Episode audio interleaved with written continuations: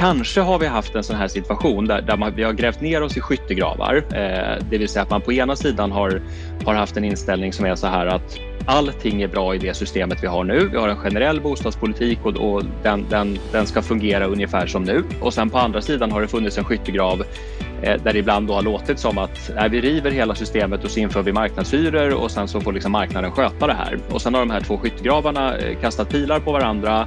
Eh, ingen politiker har velat heller prata om det för det har bara varit jobbigt och så har det inte hänt någonting. Det är dags att ta sig ur skyttegravarna för att få en balans på marknaden.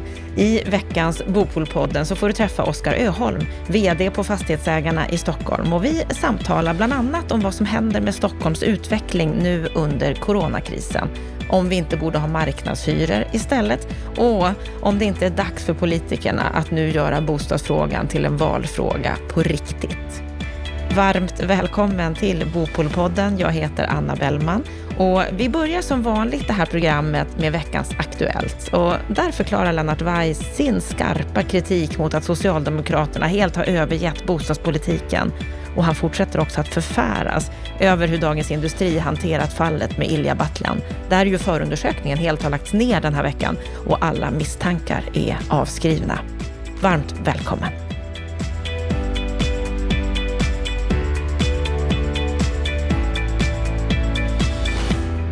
Under den gångna veckan så har det hänt en del på bostadsfronten och en av de delar som jag vill börja med att prata om i den här podden, Lennart Weiss, det var din ledare på bostadspolitik.se förra veckan, att S, Socialdemokraterna, har övergett bostadsfrågan. Du har fått otroligt mycket uppmärksamhet kring den här ledaren, för du kritiserar ju ditt eget parti rätt rejält här.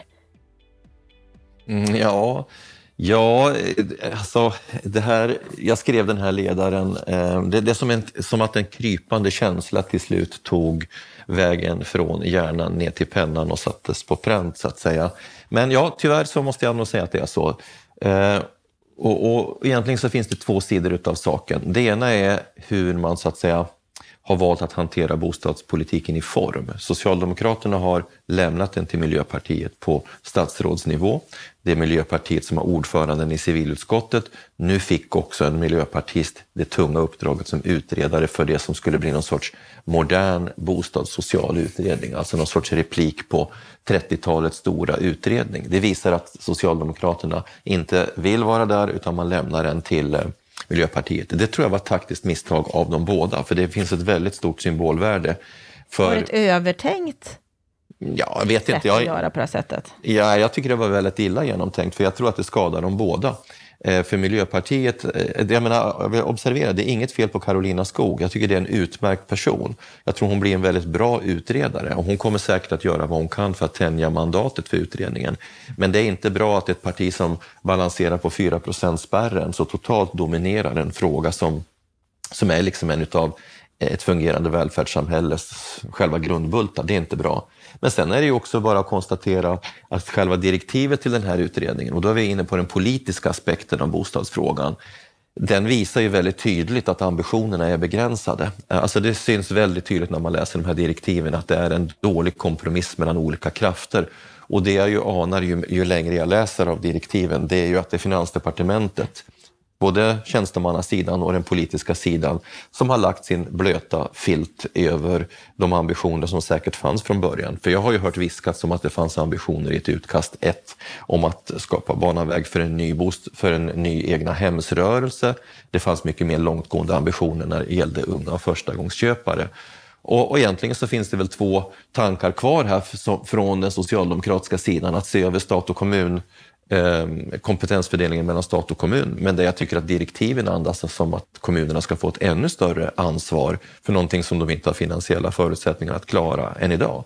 Och vidare så, så finns det en, en, en formulering om förstagångsköpare men även där så hänvisar man till att kommunerna kanske borde få ett större ansvar och, och, och, eh, det är tydligt i den här delen, det står ju svart på vitt, att utredningen ska i den här delen inte för, lägga förslag till finansiella förändringar som skulle kunna leda till att staten får ett större åtagande. Och det ska ske i samråd med Finansinspektionen. Alltså det här säger allt. Det här, det här visar väldigt tydligt att det är Finansdepartementet och med de förbundna myndigheter som, som egentligen styr de, de, de verk, verkligt viktiga villkoren för bostadspolitiken. Att vi har ett väldigt stort maktcentra. Vi har ett väldigt stort maktcentra. Ja, och jag menar att, att det här visar att för Socialdemokraterna så är inte bostadsfrågan en del av ett större politiskt projekt. Och det, det, det blir väldigt tydligt. Eh, Eh, och det tycker jag själv är extremt märkligt därför att bostadspolitiken var i praktiken den svenska modellens fjärde ben. Eh, släpper man det så släpper man liksom ett fundament i sitt politiska arv. Och sättet att, att formulera direktiven här visar ju att det är Finansdepartementet som bestämmer hur den politiska utvecklingen ska se ut och där har man inte särskilt mycket politiska ambitioner. Du var ju delaktig i en rapport som Socialdemokraterna beställde för två år sedan, men den har vad jag förstått inte ens dragits i partistyrelsen. Nej, den har inte det. Jag tror att den, jag vet faktiskt inte mer i detalj, den har möjligen anmälts som att den har kommit in, eh, överlämnats så att säga, till partiet och att det har skett i verkställande utskottet, men den har inte föredragits, den har inte presenterats. Och, Ett eh, tecken på att det här inte är prioriterat? Ja, det skulle, ja, det skulle jag absolut säga. Jag menar, eh, det, det, jag kommer ju aldrig mer att ta på mig ett sånt här uppdrag därför att det, det, det är ju uppenbart att man inte tar den här sortens väldigt genomarbetade eh, utredningar på, på allvar. Och jag tror att eh, även det speglar en intern maktbalans. Jag tror att Lena Båstad, partisekreteraren, Eh, hade goda intentioner när hon gav mig det där uppdraget och tillsatte den här gruppen. Men sen var det Magdalena Andersson som, som, som bestämde att det inte skulle bli någonting med det hela. Och då är vi tillbaka till maktbalansen mellan en finansminister respektive övriga statsråd. Och i Sverige är det Finansdepartementet som bestämmer. Men får jag bara säga till, till sist, det här, är, det här är en del av ett större politiskt problem som man ska vara observant på. Därför att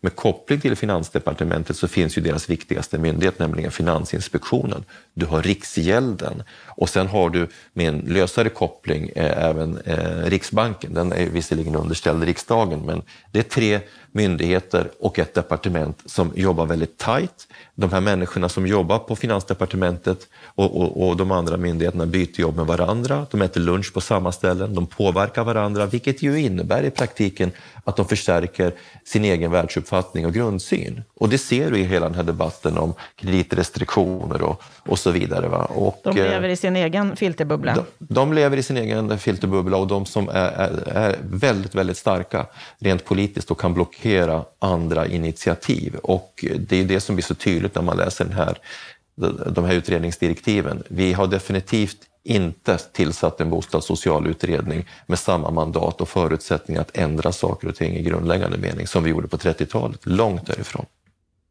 Vi ska gå vidare här i veckans Aktuellt och ta upp den byggprognos som byggföretagen kommit med i veckan. Det ser dystert ut framåt, Lennart.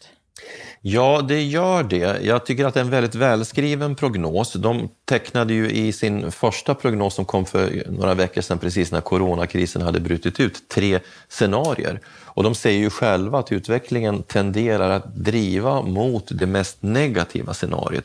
Och i siffror så innebär det att de prognostiserar en nedgång av antalet påbörjade bostäder med 27 procent från en redan låg nivå. De tror att vi i år kommer att starta ungefär 35 000 bostäder. Det kan jämföras med 67 000 bostäder så sent som 2017 som Boverket då menade var för en, en, för låg nivå för att byggandet skulle ligga i linje med den demografiska utvecklingen. Faller vi alltså ner mot 35 000 då är vi på en kritisk nivå för vad som behövs för att eh, möta de behov som, som eh, befolkningen men också näringslivet har behovet av framåt. Så det, det, är allvarligt. Och det som jag tänker när jag läser hela eh, rapporten det är ju att eh, här är vi på något vis vi är ännu så länge i någon sorts skilda världar därför att byggindustrin rullar och går ganska bra än så länge. Men om bostadsbyggandet kommer att minska på det här sättet som byggföretagen säger, det kommer ju inte att byggas särskilt mycket hotell och kontorsfastigheter de närmaste åren. Där kommer byggföretagen att få ganska tomt i orderböckerna. Logistik väldigt oklart. Så det som ju eh, man hoppades på, det var ju att bostadsbyggandet skulle upprätthållas på en hygglig nivå och att det skulle komma stimulanser för, till infrastruktur. Men infrastruktur skapar inte så många jobb som de andra delarna av byggsektorn. Så att för byggsektorn så är det här bekymmersamt och eftersom den svarar för en så stor andel av den ekonomiska tillväxten så signalerar ju det här en, en väldigt allvarlig risk för att den ekonomiska återhämtningen kommer gå långsammare än nödvändigt. Kommer helt enkelt påverka BNP-tillväxten negativt. Och, eh, så det här är allvarligt. Det, det här är en prognos att verkligen ta på allvar och, och, och fundera lite kring. Mm. Vi ska avsluta här nu veckans Aktuellt med Ilja Battlan som vi har nämnt här nu flera veckor. Och det som är nytt för den här veckan det är att förundersökningen helt har lagts ner, att alla misstankar är avskrivna. Ganska snabbt agerat får man ju säga från Ekobrottsmyndigheten. Ja, det får man ju säga. Jag valde ju att vara, eh, som man ska i en sån här situation, ha, ha, ha en distanserad attityd till själva eh, anklagelsepunkten. För det första visste vi inte så mycket om det mer än att det var misstankar om, om eh, insiderbrott.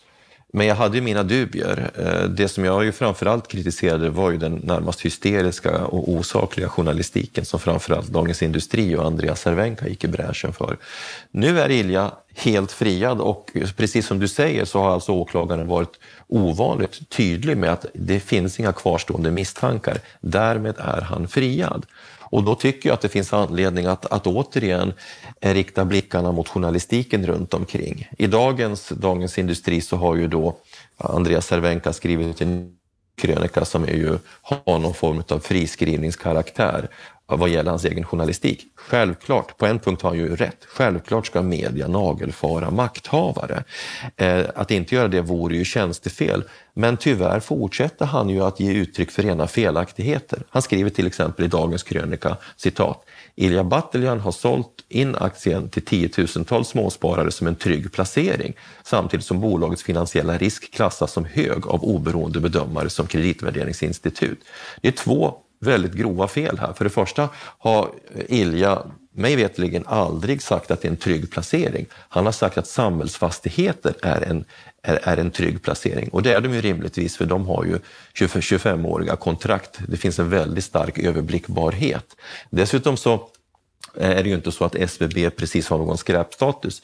De jobbar och då har de varit tydliga med att öka, förbättra sin soliditet så att deras rating förbättras. Målet är att ha investment grade och de ligger där och skvalpar precis på marginalen. Men att de skulle ha någon sorts skräpstatus som ju Cervenka verkar eh, antyda här, eller som han ju faktiskt inte bara antyder utan skriver, det är fel. Det är sakligt sett fel. Så att eh, tramset fortsätter ju och det är ju tyvärr väldigt illa. Och, och det finns ju tyvärr ytterligare ett element i det här som jag som jag tycker att det är dags för inte minst Dagens Industri att eh, ta upp till diskussion. För Ilja Batljan är ju inte den första socialdemokraten som har gått från politik till näringsliv som hängs ut på ett närmast kvällstidningsmässigt sätt. Det har tidigare drabbat Anders Sundström, det har drabbat Göran Persson, det har drabbat Björn Rosengren. När det gäller socialdemokrater som går från politik till näringsliv, då blir journalistiken alltså det, att säga att den är kvällstidningsmässigt, det är nästan ett, ett vänligt omdöme. Den blir totalt hysterisk och osaklig. Och tyvärr är det då väldigt mycket Dagens Industri som går i bräschen för det här. Så att om Dagens Industri vill på något vis eh, vårda sin publicistiska trovärdighet så tycker jag att de ska sätta sig ner och analysera hur man har hanterat Ilja Batljan-affären. Det, det Men har inte, har inte, men har inte Andreas Cervenka rätt i att de har ju ändå en skyldighet, ett uppdrag i att nagelfara företag av den här kalibern. Absolut. De har det ansvar de har med samhällsfastigheter och så vidare. Helt rätt, det har de. Och det är därför vi ska vara glada för att vi har fria medier och inte styrda medier. Men det får ju också vara någon jävla ordning på argumentationen. Jag menar efter hans första krönika, den, den, eh, nu ska vi se här, jag har ju den framför mig, den första krönikan den 6 maj som jag kritiserade hårt, det var den som hade rubriken En historia av genvägar, som ju nu har visat sig vara en helt felaktig beskrivning. Så följde han upp den 15 maj och då skriver han, fortsätter han att hävda en felaktighet. Han skriver Ilja Batljan sparkades från Rikshem i december 2015 sen det framkommit att han privat lämnat ett indikativt bud på en fastighet utan att först informera styrelsen. Den korrekta beskrivningen var att han hade lagt ett bud som förutsatte godkännande av styrelsen. Han hade informerat sin VD om den saken och detta står i den revisionsrapport som som, som, som Rikshem själva har gjort. Så i efterhand är ju Ilja friad. Då måste man ju skriva det om man vill vara en seriös krönikör och inte fortsätta att sprida felak, en felaktig beskrivning av sakförhållandena. Så att intrycket Låter är som att, att han vill rädda sitt eget. Ja, det är klart han vill. Alltså detta är kampanjjournalistik, men det är också färgat av Cervenkas egna värderingar, alldeles uppenbart. Och, och, och, inte vet jag, det verkar vara någon sorts allmän aversion till socialdemokrater som då driver, framgångsrikt driver kommersiell verksamhet. Det, det, för mig har Cervenka med, med de här artiklarna totalt tappat i, i, i förtroende. Jag, jag, tycker att det är eh, helt ointressant att läsa hans hans eh, betraktelser när de sker med de här glasögonen. För här är jag ju påläst och ser hur han har skrivit och vilket förhållande som råder mellan det han skriver och, och faktamässig eh, och, och, och fakta helt enkelt. De flesta läsarna gör inte det. Men jag har gjort det och ser att han har fel på punkt efter punkt. Som vanligt så får vi uppmuntra våra lyssnare att alltid vara kritiska i det ni läser, men också i det ni hör. Har Lennart Weiss rätt i sin kritik här? Det får ni bilda er egen uppfattning om. Med det så tackar jag dig, Lennart Weiss, för veckans Aktuellt.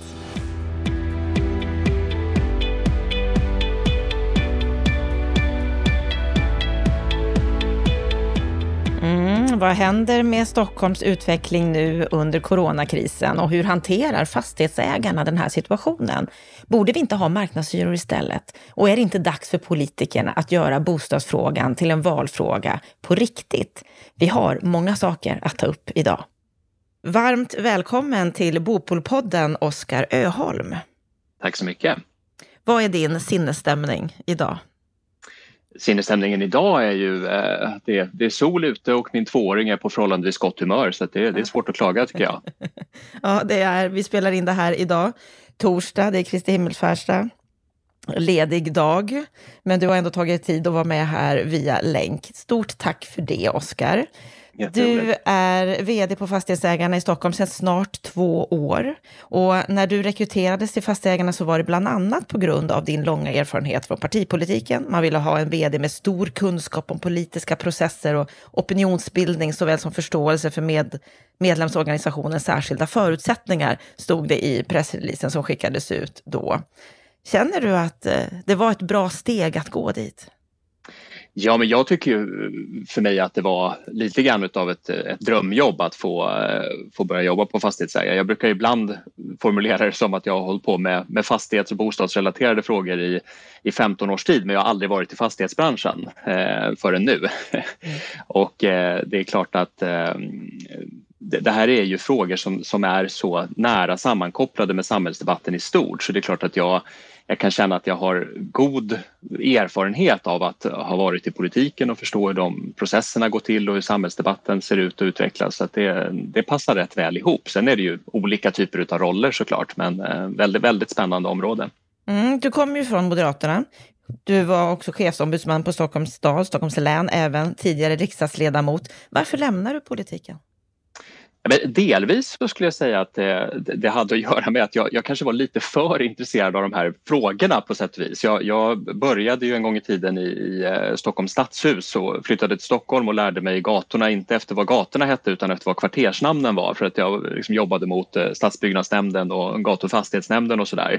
Så jag visste att ja, skatteskrapan visste jag var kvarteret Gamen men jag visste inte riktigt vilken gata den låg på eller Eh, det, det, kanske var naturligt att jag blev väldigt intresserad av eh, den här typen av frågeställningar. Eh, men efter ett tag så, så, kände jag att som när man är i politiken då förväntas man liksom hålla på med, med, med lite allt möjligt och det är visserligen väldigt kul och stimulerande men, men det blir också svårt att få specialisera sig och, och, få hålla på med det som, som kanske är det, det specifika intresset. Så för mig så blev det också en naturlig punkt på något sätt att politiken eh, är väldigt, eh, väldigt rolig och väldigt stimulerande att få ägna sig åt men, men det var aldrig min plan att göra det hela livet så att det här var en, eh, en överflyttning till ett annat område för mig som, som kändes väldigt kul. Känner du att du kan påverka mer där du är idag? Men det beror på vad man menar med det där. Det är klart att eh, mycket handlar just det om att man får möjlighet att lite grann djupa i vissa frågor och, och, och sätta sig in i, i, detaljer och hålla på. Det gör man ju väldigt sällan i politiken. Där är det de, det är de väldigt breda penseldragen och det är ju på ett sätt spännande och det blir ju mycket mer, vad ska vi säga, ideologi eller eh, ja, på, den, på det sättet politik. Sen är det klart att nu, nu är man ju mycket mer nära samhällsutvecklingen på riktigt och det, det, som, det som händer. Jag tillhör ju de här som, eh, som barn satt och sysslade med SimCity, hur man, hur man bygger en stad. Nu, nu känns det som man får på sätt och vis väldigt nära våra medlemmar vara med och göra det på, eh, på ett mer verkligt sätt. Mm. Och nu är vi ju i en väldigt speciell situation i och med den kris vi just nu befinner oss i. Era medlemmar har det tufft, många. Hur, hur skulle du beskriva det vi, det vi just nu befinner oss i med coronakrisen? Nej, men det är ju som du säger, det, det är ju en väldigt speciell situation. Jag ägnade, vi hade årsmöte i Fastighetsägarna i veckan och då satt jag och tittade igenom vår verksamhetsplan för 2019, vad vi skulle jobba med. Och det blev lite en ögonöppnare för att det är klart att hela den verksamhetsplanen beskrev ju en kontext för Stockholm som på väldigt många sätt inte längre stämmer. Alltså det var ju det här med en huvudstadsregion som växer så det knakar, arbetslösheten är låg, eh, sysselsättningen är hög, alla kurvor pekar åt rätt håll. Hur ska liksom, fastighetsägare och samhällsutveckling gå till i en sån miljö? Och sen kommer vi nu rakt in i en verklighet på bara några månader där Stockholm är epicentrum både för själva smittspridningen förstås men också är faktiskt epicentrum för alla de ekonomiska konsekvenser som det här får. Och jag tror att det är, det är en ganska ovan situation för Stockholm för att vi, det var ju någon som skämtade och sa det att när finanskrisen slog till som värst då var det någonting som stockholmare såg på TV. Det, liksom, det drabbade inte Stockholm på samma sätt. Nu har vi ju en kris där, där varslen är som värst i Stockholm. Man, man, eh, hela de här med stadslivet som dör ut, det drabbar också Stockholm värst. Och väldigt mycket, ja, men närmast en stadskris. Alltså allt det som vi tänker på som, som storstad är ju precis de delar som, eh, som man har behövt släcka ner för att klara smittspridningen. Så det är en väldigt allvarlig situation förstås. Mm, du skrev i en artikel i DI här nyligen att som företrädare för 4 500 fastighetsägare i Stockholm är jag djupt oroad över hur coronakrisen släcker ner stora delar av stadslivet. Och att varje konkurs gör staden mindre attraktiv. Ja men det är ju precis så det är för det är klart att om man tittar på det som gör en, en storstad så att säga, attraktiv och dynamisk och, och liksom skapar all den här kreativiteten det är ju inte bara att Eh, att det finns, ja, det, det, är ju liksom sammantaget att, eh, att stan funkar men också att man upplever att det här är en miljö jag vill vistas i. Det här är en miljö där jag vill ha mitt kontor eller där jag vill bo och verka och det, det bygger väldigt mycket på det här attraktiva stadslivet. Och det är klart, min känsla väldigt mycket är ju att Särskilt som lantis så har man flyttat till storstan och just nu så känns det som att jag bor i en småstad igen. Eh, för ja, det, det är ju alltifrån restauranger och kulturupplevelser och allting annat som, ja, det, det är väldigt annorlunda. Eh, jag kan ju känna också som just med den de medlemmar vi har, vi, vi har ju en väldigt bred representation av medlemmar. Det är ju alltifrån de stora kommersiella bolagen som äger gallerior och, och, kontorsfastigheter. Vi har ju de stora bostadsbolagen men vi har ju också flera tusen bostadsrättsföreningar och det, där ser man ju också att det är, det är väldigt annorlunda vilka konsekvenserna blir eh, för, eh, för de här olika medlemskategorierna. Eh, och något som också har blivit väldigt tydligt det är ju att fastighetsägare är ju själva i de allra flesta fall småföretagare. Så många drabbas ju också, eh, också som, som fastighetsbolag i detta när, när eh, man funderar på hur, hur ska bottenvåningssammansättningen se ut framöver? Hur kommer liksom staden att utvecklas? Mm. Vilka skulle du säga har det tuffast just nu bland era medlemmar? Nej, men det är klart att eh, det går ju lite i olika vågor eller man ska säga men, men det är klart att i den första första vågen som har kommit så, så är det ju eh, väldigt mycket hotell och restaurang och besöksnäringen som såklart är, är hårdast drabbat. Så att, eh, sen kan ju de vara lokalhyresgäster hos en mängd olika typer av, av fastighetsägare eh, där, det, där man kan hitta olika modeller. Det är klart det, det är en väldig skillnad om du är driver en restaurang eh, och hyr den lokalen av ett jättestort företag som äger en galleria eller om du äger den lokalen hos en bostadsrättsförening med 15 lägenheter. Eh, och det, det kan ju såklart också göra det har jag stor förståelse för att det, det, är svårt att veta hur, hur för man de dialogerna. Ibland är det väldigt enkelt för man har en motpart då som är, är liten och som man träffar varje dag och andra är ett, ett jättestort företag som man eh, förhandlar med. Men, men jag är också rätt imponerad måste jag säga av hur snabbt det gick också för fastighetsägare att förstå att man, man inte själv opåverkad utav detta utan eh, insikten om att fastighetsägare är helt beroende av, av sina hyresintäkter. Det är deras enda intäkt. Eh, och alla förstår att ska, ska det här kunna fungera framöver så måste man hitta snabba lösningar här och nu. Mm. Och här har det ju utmålats en konflikt mellan fastighetsägare och lokalhyresgäster. Vi har kunnat följa den i bland annat. Hur ser du på den här konflikten som har målats upp? Nej, men på ett sätt så så är den ju lite olycklig för att jag, jag, jag, tycker inledningsvis att den beskrevs ungefär som att, som att fastighetsägare inte förstod problemet utan bara skickade hyresavier ungefär som vanligt. Eh, men jag tycker tvärtom att, att man såg ganska snabbt att just den här förståelsen för att har vi inga lokalhyresgäster, ja, då har vi ingen affär i bolaget. Och att man ganska snabbt började vidta olika åtgärder. Vi, vi eh, skickade ut en ganska stor medlemsenkät och frågade så säga, hur har man agerat och då såg vi ju bara efter några veckor att eh, det här var ju mitten på mars då, så att nästan tre fjärdedelar av våra medlemmar hade på olika sätt vidtagit åtgärder för att hjälpa lokalhyresgäster som var i akut kris. Och det var ju allt ifrån saker som att man snabbt övergick från kvartalshyra till månadshyra. Det var saker som att man tittade över eh, det här som ofta står i, i avtalen om öppettider, att man kunde vara flexibel kring det.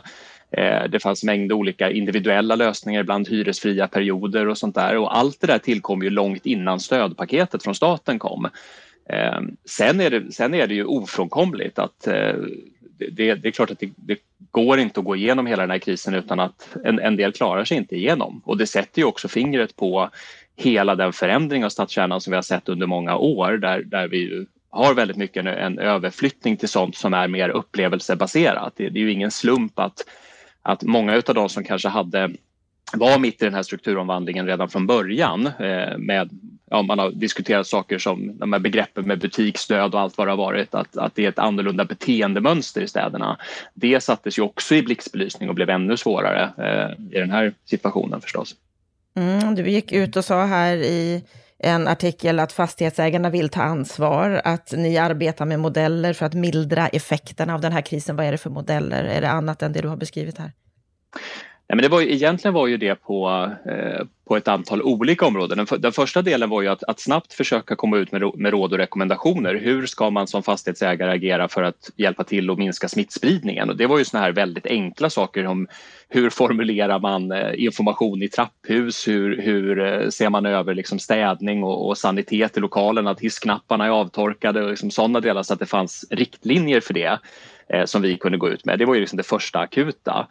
Den andra delen handlade ju väldigt mycket om det här hur, kan vi hjälpa till i det akuta skedet för de som, som har svårt att hantera liksom, hyresinbetalningar och så, att, att över, överbrygga den här perioden. Och då är det ju de delarna jag var inne på med Eh, med, med, översyn då utav ja, månadsbetalning, kvartalsbetalning, eh, hyresfria perioder och sånt där som, som många gjorde. Sen ser det ju väldigt annorlunda ut eh, beroende på vilka det, alltså vilken situation man är i. Det är en väldig skillnad som sagt om du är en, en liten bostadsrättsförening med, med en, en lokal eller, eller om det är en, ja, en större.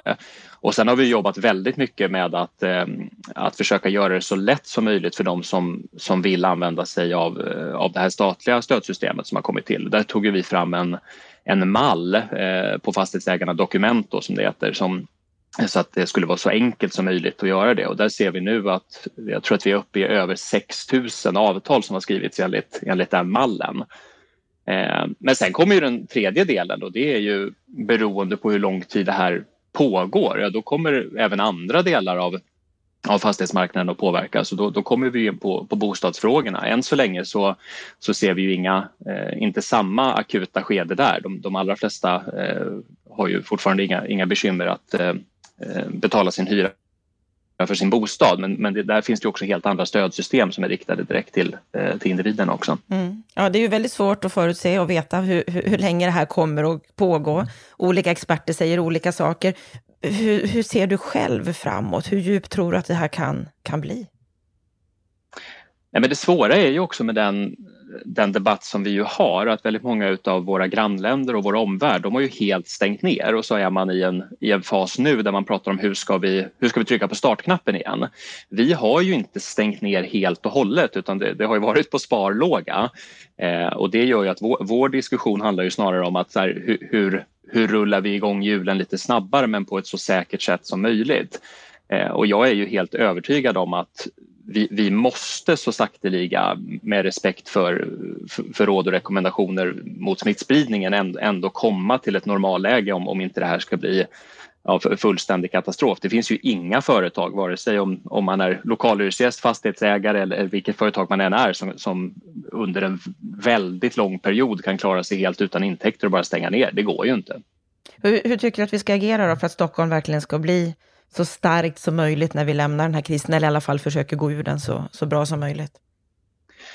Jag tror att väldigt mycket kommer också handla om, om, eh, om attityd, höll jag på att säga. Alltså vi, vi leker just nu lite grann med, med en slogan från Fastighetsägarna Stockholms sida som vi har kallat Hela Stockholm ska leva och den har vi friskt lånat från, från den här riksorganisationen Hela Sverige ska leva. Det vill säga det de gjorde och har gjort väldigt bra det är ju att peka på det här hur hittar vi nya typer av samarbeten och samverkan och lite jävlar anamma om man säger så för, för att eh, eh, ja, för att ta sig framåt. Det har inte vi behövt göra i Stockholm för allting har liksom varit per automatik så bra. Alla kurvor pekar åt rätt håll, det är bara att köra. Jag tror att vi kommer behöva mycket mer av den här attityden. Hur, hur gör vi nya typer av samverkan och, och, och, och, samarbeten och släpper fram kreativitet i den här miljön. Ett sådant exempel var ju det, eh, det vi gjorde i, i, igår när, när vi bestämde att eh, fastighetsägarna och Stockholms stad eller fastighetsborgarrådet att vi ska försöka ha en mycket tätare dialog. Hur kan man jobba med med, med, att kunna använda ytor på nya sätt än vad vi har gjort förut. Kan man eh, titta på temporära eh, tillstånd för allt ifrån bygglov till, till verksamheter. Alltså, ja, egentligen med råden och rekommendationerna från Folkhälsomyndigheten i ryggen ändå komma igång i samhället igen. Mm. Har du några andra drömsamarbetspartners där som du ser? Ja, men jag, tror att, eh, jag tror att också det har varit på det sättet kanske bra att eh, den här ibland infekterade diskussionen som har uppstått, eh, om, om vi tar det, så här, Svensk Handel, Visita, Fastighetsägarna, de här branschorganisationerna. Där har det ju varit ganska höga och skarpa tongångar. Jag tror ju att den här krisen tvingar ju också fram en, en diskussion om hur ja, hur, hur, ska sammansättningen i städerna se ut framöver och hur, hur skapar vi de förutsättningarna bäst? Så det är ju sådana delar. Sen tror jag man kan jobba med andra företrädare för civilsamhället och, eh, och andra organisationer. Det finns ju mängder av initiativ nu eh, som, som kommer som man ska vara, eh, lyssna noggrant på. Mm. Det kan komma bra saker, bra attityder ur den här krisen också. Ja men det tror jag. Sen, är det väl, ja jag, sitter själv i, i, i min tvåårings lilla rum med hörlurar och känner att det här känns inte konstigt, så här har man jobbat i flera veckor nu. Och, det, och I någon mening så är det klart att det här kommer också få en, en påverkan på hur jobbar vi framöver? Hur kommer våra liksom, kontor se ut? Eh, kommer det bli normalt att man jobbar hemifrån ett par dagar i veckan? Samtidigt så tillhör jag inte de som tror att, att det blir Alltså att vi, vi släpper viljan och behovet av att träffa varandra. Jag tycker att det är alla de här videokonferenserna man har suttit i, att är det någonting som, som har blivit tydligt så är det ju att eh, korta avstämningar kan man göra på telefon och video men ska man, eh, ska man ha strategiska möten och, eh, och mer på djupet då, då är det rätt viktigt att kunna se varandra i ögonen och kunna snacka vid, vid kaffemaskinen vid sidan av också. Så att, mm. Det, behovet av att mötas tror jag snarare understryks ehm, eh, av en sån här kris. Mm. Och vi kommer förhoppningsvis tillbaka till det väldigt snart. Det är många som, som längtar efter det nu. Om vi ska helt byta spår nu, eh, Oskar, men ändå prata om utveckling framåt, så skulle jag vilja gå in på det här med marknadshyror. Ytterligare en annan debatt som, som förs. Och hur, hur, hur ser du och ni på detta med marknadshyror? Jag höll på att säga, det, det är så roligt i den bostadspolitiska debatten för att det, det, det finns de här eh, det finns de här minorna i, i, språkbruket på något sätt som gör att, att all diskussion upphör. Och där är väl marknadshyror som begrepp har ju nästan blivit ett sånt, det vill säga det förstås ofta i en kontext utav eh, ja, det finns inga regler som gäller utan eh, hyror kan sättas på precis vilket sätt som helst och sen får man bara anpassa sig. Det är nästan så det beskrivs. Och, och jag kan ibland känna frustration över att det finns ju faktiskt ingen aktör i den svenska samhällsdebatten som på riktigt förespråkar ett system där det finns noll regelverk för hyrorna, där det finns noll besittningsskydd och där det är vilda västern. Alltså ingen tycker det. Eh, ändå är det ofta det man, man försöker föra fram när, när man använder begreppet marknadshyror. Eh, däremot så, så, finns det ju nu en diskussion som jag tror är ganska nyttig, inte minst efter eh, januariavtalet och det som har kommit med, med att lite mer med öppna ögon börja fundera på hur, hur ska systemet se ut framöver? För det är också uppenbart på andra sidan att att eh, konsekvensen av, av, att inte ha gjort någonting på väldigt lång tid eh, det är ju att det, det, är väldigt svårt att till exempel flytta till Stockholm och, och, komma över en lägenhet om man inte har väldigt många år i bostadskön. Eh, det vill säga en, en pusselbit är, är förstås att en, en friare hyressättning skulle kunna hjälpa till med det. Men det ska ju göras på ett sätt som är ansvarsfullt och med med regelverk och med trygghet och med besittningsskydd och så vidare. Så, Men vilka effekter skulle det ge tror du? Nej, men jag tror det att jag tror att den effekten som vi ju ser redan nu, det, det är ju precis det här att eh, jag vill säga att, att, marknaden blir väldigt stängd. Det är väldigt svårt att komma in. Och jag kan ibland känna så här att eh, för, för de som har kommit till exempel till Stockholm och som har utbildning och inkomst och ett jobb, de har inte behövt bry sig så mycket om det där för i Stockholm säger jag då får jag väl köpa en bostadsrätt istället. Inte som ett aktivt val, många skulle säkert ha velat hyra men det har inte varit möjligt utan när, när man har haft det systemet som, som, som gäller så så har det skapat väldigt, väldigt långa köer och en, och en väldigt tröghet på marknaden. Så det, det, är klart att en, en, en friare hyressättning skulle kunna vara en pusselbit i det. Mm, du är positiv till det? Du tror att det skulle vara bra för Stockholmsregionen? Ja, sen tror jag egentligen inte att det bara är en, en, en Stockholmsfråga men, men delar av det där handlar ju också förstås om att, att få fler att vilja vara med och, och bygga hyresrätter, alltså vill få fler att tycka att, att, att bygga, äga och förvalta hyresrätter är en långsiktigt bra affär för, för eh, fastighetsbolag att göra. Ibland kan jag ju känna så här att den stora ombildningen till bostadsrätter i Stockholm, det brukar ju ibland beskrivas som att ja, det där är ideologiskt färgat, det, det är allmännyttan som har sålt ut brukar man säga. Men tittar man på den stora vågen av, av ombildningar som har skett i bostadsrätt så är ju det faktiskt inte hos allmännyttan. Det är, det är, ju, det är ju privata hyresvärdar som har ombildat för att det långsiktigt inte har varit tillräckligt lönsamt att äga hyresrätter. Så det, det är också ett sätt att säkerställa att, att det blir fler hyresrätter och att, det, eh, att de som, som finns kan vara kvar på ett, på ett vettigt sätt. Mm, och om, man, om man lyssnar på det du säger så låter det som att om man inför då marknadshyror så blir det mer attraktivt att bygga hyresrätter, att förvalta. Det innebär höjda hyror, en ökad inkomst för fastighetsägaren. Ja, men det, det, samtidigt ska man ju vara tydlig med att det som diskuteras nu och som, som ju vi är positiva till det, det, är ju de här första stegen. Om man tar det som nu utreds till exempel inom ramen för, för januariavtalet. Det handlar ju dels om att titta på i ett första steg en, en som man kallar fri hyressättning i nyproduktion. Eh, det är ju ett väldigt tydligt sätt att säga att det finns ingen som idag sitter eh, och behöver vara rädd att, att någon hyra ska chockhöjas under nästa år utan det, det handlar ju om att man eh, i nyproduktionen börjar med detta. Den andra delen handlar ju om att titta på Eh, som regelverket för de årliga förhandlingarna för hyror, att det blir mer jämbördiga parter och så vidare. Så att det, det finns ju heller inte den här nu, nu ska vi nu ska vi riva hela systemet och eh, ja, ha någon sorts vilda västern hyressättning där, där fastighetsägaren självsvåldigt år från år bara kan komma med en, med en, med en helt dramatiskt annorlunda hyra. Ingen tycker ju det. Nej, nyproduktionshyror, det är ett bra första steg. Jo, men vi får se hur långt de kommer i den här utredningen. Men, men det är ju, det är ju, det är ett vettigt, eh, vettigt att man tar den diskussionen. Mm. Sen så är det ju Sen finns det ju ibland det här, tycker jag, eh, missförståndet eller, eh, eller svårigheten i att man, man ofta beskriver lösningen för bostadsbristen som att det handlar om att bygga nytt och bygga så billigt som möjligt och det är ju jättebra. Men nyproduktionen är ju fortfarande en väldigt liten del eh, av, eh, av det totala beståndet. Så att även om vi skulle bygga i rekordfart eh, fler bostäder än vi någonsin har gjort under tio års tid så kommer vi fortfarande vara så att efter de tio åren så kommer de allra flesta bo i en lägenhet som redan är byggd idag. Mm. När det gäller det här med marknadshyror, det är ju en lite komplex fråga ändå. Är det ett stort internt tryck från era medlemmar att införa det här ganska snabbt? Men jag, jag, tror så här att väldigt många eh, också av våra medlemmar, alla har ju en, en, en stor respekt för att eh, det måste vara ett system som präglas av förutsägbarhet. Det måste finnas trygghet i, i modellerna. Så att jag tror att det, det viktigaste för, för våra medlemmar det, det, handlar då snarare om, om den här långsiktigheten, jämbördiga parter i, i förhandlingar och så vidare. Eh, snarare än vad ska vi säga, någon, någon, plakatpolitik att man, man vill riva hela systemet och, eh, och införa, eh, ja, införa marknadshyror. Det är liksom inte det som, som är huvudspåret eh, utan snarare långsiktigheten. Sen, sen, är det klart att, att många fastighetsägare säkert känner att skulle det finnas en friare hyressättning så, så kanske det skulle vara en pusselbit som kan bidra till att det är långsiktigt mer attraktivt att finnas på den marknaden. Mm. Och då innebär ju det också att det blir en värdeökning av fastigheterna, tänker jag, om det blir mer attraktivt. De kan sätta lite högre hyror. Det blir lite mer så att säga gratispengar till fastighetsägarna. Vissa menar ju att den här värdeökningen, den behöver vi fånga in genom skatt. Hur ser du på det? Att det inte tillfaller fastighetsägarna?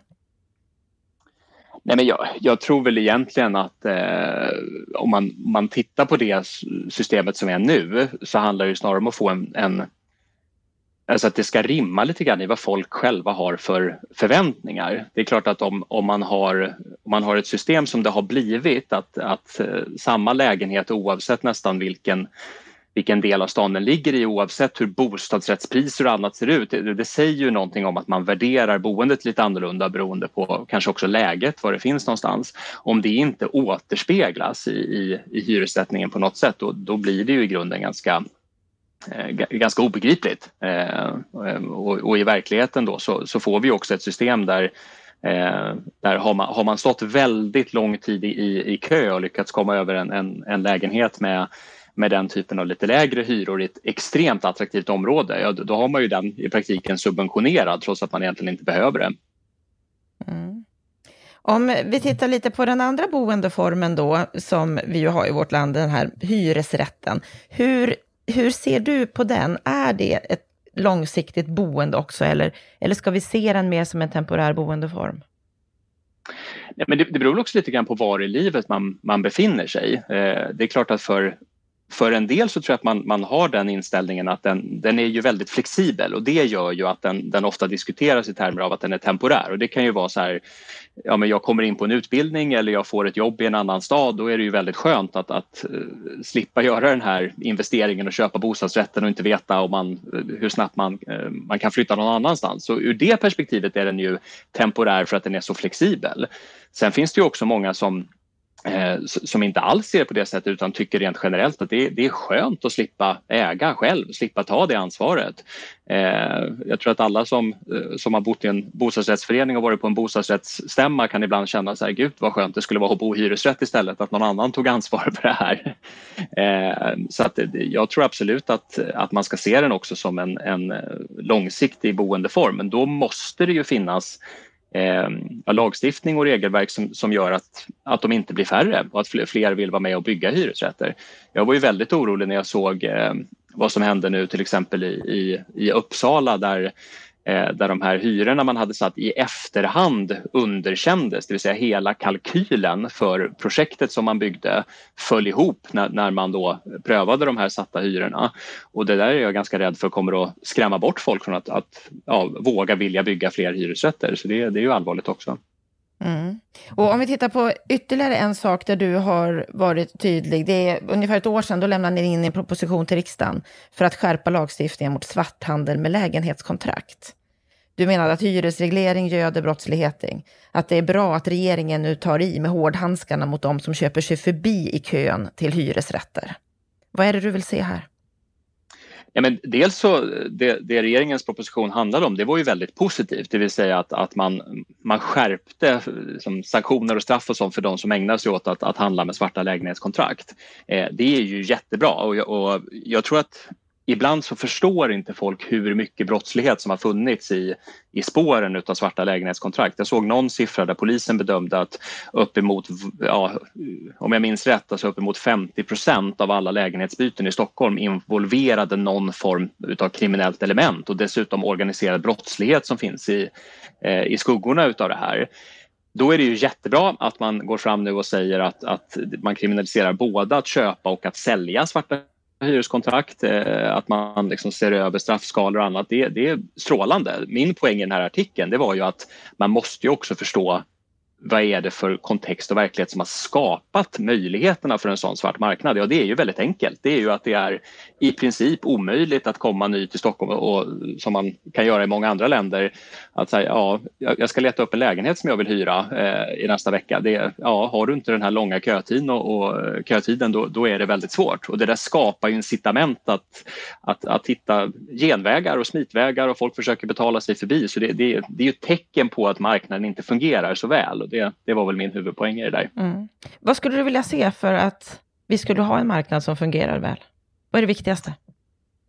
Nej, men det, det viktigaste det tror jag är att, att Kanske har vi haft en sån här situation där, där man, vi har grävt ner oss i skyttegravar. Eh, det vill säga att man på ena sidan har, har haft en inställning som är så här att allting är bra i det systemet vi har nu. Vi har en generell bostadspolitik och, och den, den, den ska fungera ungefär som nu. Och sen på andra sidan har det funnits en skyttegrav Eh, där det ibland då har låtit som att nej, vi river hela systemet och så inför vi marknadshyror och sen så får liksom marknaden sköta det här. Och sen har de här två skyttegravarna eh, kastat pilar på varandra. Eh, ingen politiker har velat heller prata om det för det har bara varit jobbigt och så har det inte hänt någonting. Jag, jag är på det sättet ganska positiv till, till de här första stegen som man nu tar eh, kopplat till januariavtalet, det vill säga börja titta på eh, både ja, nyproduktionshyrorna, eh, börja titta på de här lägesfaktorn, hur kan det påverka? Börja titta på eh, de årliga förhandlingarna för att eh, säkerställa att, eh, ja, att fler vill, vill, investera i hyresrätter och att det långsiktigt ska vara bra. Så jag tror man, man kan nog ta det här ganska långsamt. Det handlar inte om att, att vara revolutionär i den delen. Mm. Du är ju nu på en annan sida än politiken. Du ser på det utifrån på ett annat sätt. Vad skulle du se att politikerna gjorde mer av? Ja, men framför allt att man, att man vågar ta lite diskussionen. Det, det kan jag ju säga efter att ha varit i politiken att ibland upplever jag att att politiker oavsett om det är till höger eller vänster, alla har någon sorts känsla av att man vinner inte val på bostadspolitiken utan bara, man kan bara förlora val på bostadspolitiken. Mm. I, i, alltså, och det oavsett parti nästan. Eh, och det där har ju lett tycker jag till, till att man eh, under en lång rad år inte har kommit så långt i nya reformförslag utan man, man, man skjuter det på något sätt till nästa mandatperiod och sen händer ingenting. Om det är någonting tror jag som, inte bara coronakrisen utan generellt den bostadsbrist vi har, är att det, till slut så blir det inte hållbart att göra sådär. Det vill säga det som har funnits förut har ju varit att, att man har kunnat glömma det för väldigt många som ändå har skaffat sig jobb och utbildning och inkomst. De har kunnat lösa sitt boende i alla fall. Nu är vi på väg in i ett läge där, där även om man har eh, jobb och inkomst eh, så stängs både den hyrda marknaden och den ägda marknaden. Det vill säga att ja, jag får ingen hyresrätt för att jag har inte 20 års kötid i Stockholm. Men man kan heller inte köpa en bostadsrätt för de nya regelverken för eh, ja, amorteringskrav och bolånetak och allt vad det är. Det gör att eh, ja, jag har en bra inkomst men det räcker inte i alla fall. Och det är klart, då börjar man komma i ett läge där, där politiken ja, måste titta på det med, med mer öppna ögon. Mm. Vad skulle du vilja att politiken gör mindre av? Ja, på ett sätt så är önskedröm, jag inser att det är svårt, men, men önskedrömmen är väl att man, att man kommer lite upp ur de här eh, skyttegravarna där, där, där det bara blir ideologi av alltihop. Jag upplever ju väldigt ofta att när, när, när debatterna sätter igång att, att man är väldigt låsta vid sina positioner.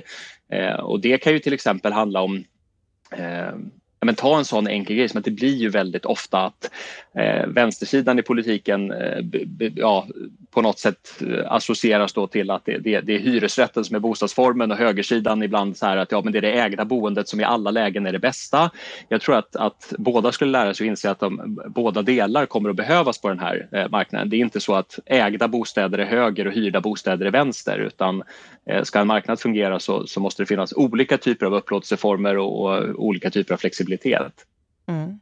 Vi har en stund kvar innan det är val igen. Vi får hoppas att det här blir en valfråga, så att det händer mer grejer framåt och att vi kommer ur den kris vi har just nu snabbare än vad vi kanske tror.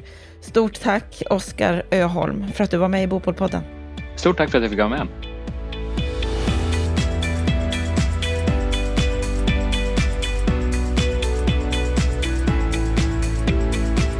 Då har vi hört samtalet med Oskar Öholm, Lennart Weiss. Vad säger du om det här samtalet?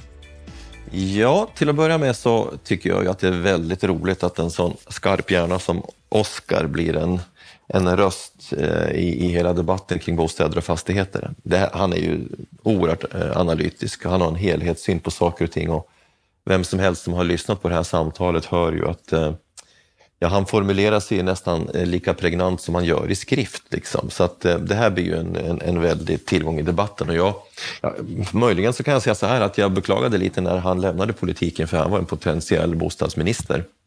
Men eh, det vet man ju aldrig vad som kan hända framåt. Nu förkovrar han ju sin kompetens.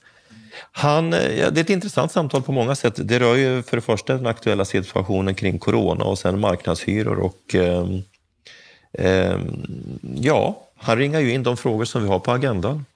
Mm. Han menar att pandemin den kommer att få konsekvenser. Den har redan fått konsekvenser för Stockholm. Mm. Jag tycker att eh, de som har lyssnat på den här podden även ska läsa Stig-Björn Ljunggrens eh, krönika som publicerades i fredags. Han berör ju också pandemins effekter och han gör det med ett historiskt perspektiv och landar ju i att ett antal beteendeförändringar kommer att ske som troligtvis kommer att påverka fastighetssektorn. Och, och, jag tror precis som Oskar att eh, corona har väldigt stora konsekvenser för stadslivet idag och kommer sannolikt att få det framåt också. Hur är det ingen som vet. Eh, att det skulle leda till vakanser på längre sikt eh, i stadsstråk, det tror jag inte ett dugg på. Det tror inte Oskar heller. Utan däremot så kommer det kunna leda till förändringar. Jag menar, vad händer med detaljhandeln? Kommer, kommer den här utvecklingen som vi har sett en del tecken på att fortsätta, det vill säga butikerna blir mer showroom och sen så beställer du dina varor på nätet och, och får dem eh, distribu distribuerade på annat sätt. Vad vet jag, men att det kommer att ske förändringar efter corona, det kan vi vara helt övertygade om. Och där kommer vissa fastighetsaktörer bli vinnare och andra kommer bli förlorare. Men det är mer en fråga om um, hur värdena så att säga, kommer att förändras inom sektorn. Det kommer ju inte att påverka fastighetssektorn i det stora. Det tror jag inte, inte på längre sikt i varje fall. Sen var vi ju inne och pratade en hel del om det här med marknadshyror. Vad säger du om hans ståndpunkt här? Alltså, eh, det är klart att han blir ju intresseföreträdare här. Jag tror att han kommer vara en tillgång eh, Eh, i den här debatten just eh, med anledning av hans politiska bakgrund. Det här är ju en moderat politiker i grunden som har en väldigt pragmatisk hållning, saklig hållning till saker och ting. Ja, jag delar ju hans uppfattning om att eh, ombildningarna har drivits av att det finns vad ska vi säga, svagheter i hyressättningslagstiftningen som gör att det helt enkelt har blivit attraktivare för fastighetsägare, privata som allmännyttiga, att sälja fastigheter istället för att äga dem långsiktigt. Det, det, har han rätt i, framförallt när det gäller de privata bolagen. När det gäller allmännyttan hade ju kunnat fatta andra beslut och de borde i varje fall inte ha sålt med den rabatt som de gjorde. Men sen är frågan vart man ska gå i det här och eh, då kan man säga så här att hans grundargumentation det är att oavsett marknadsprissättning eller en högre grad av marknadsmekanismer i hyressättningssystemet så behövs det regelverk. Han uttrycker sig till och med så. Men där undviker han ju det som är liksom frågans eh, eh, verkliga kärnpunkt, nämligen partsmodellen. Den här debatten har ju liksom två stycken eh, huvudbeståndsdelar. Det ena är vad kommer att ske med hyrorna och det är det som så att den öppna debatten handlar om.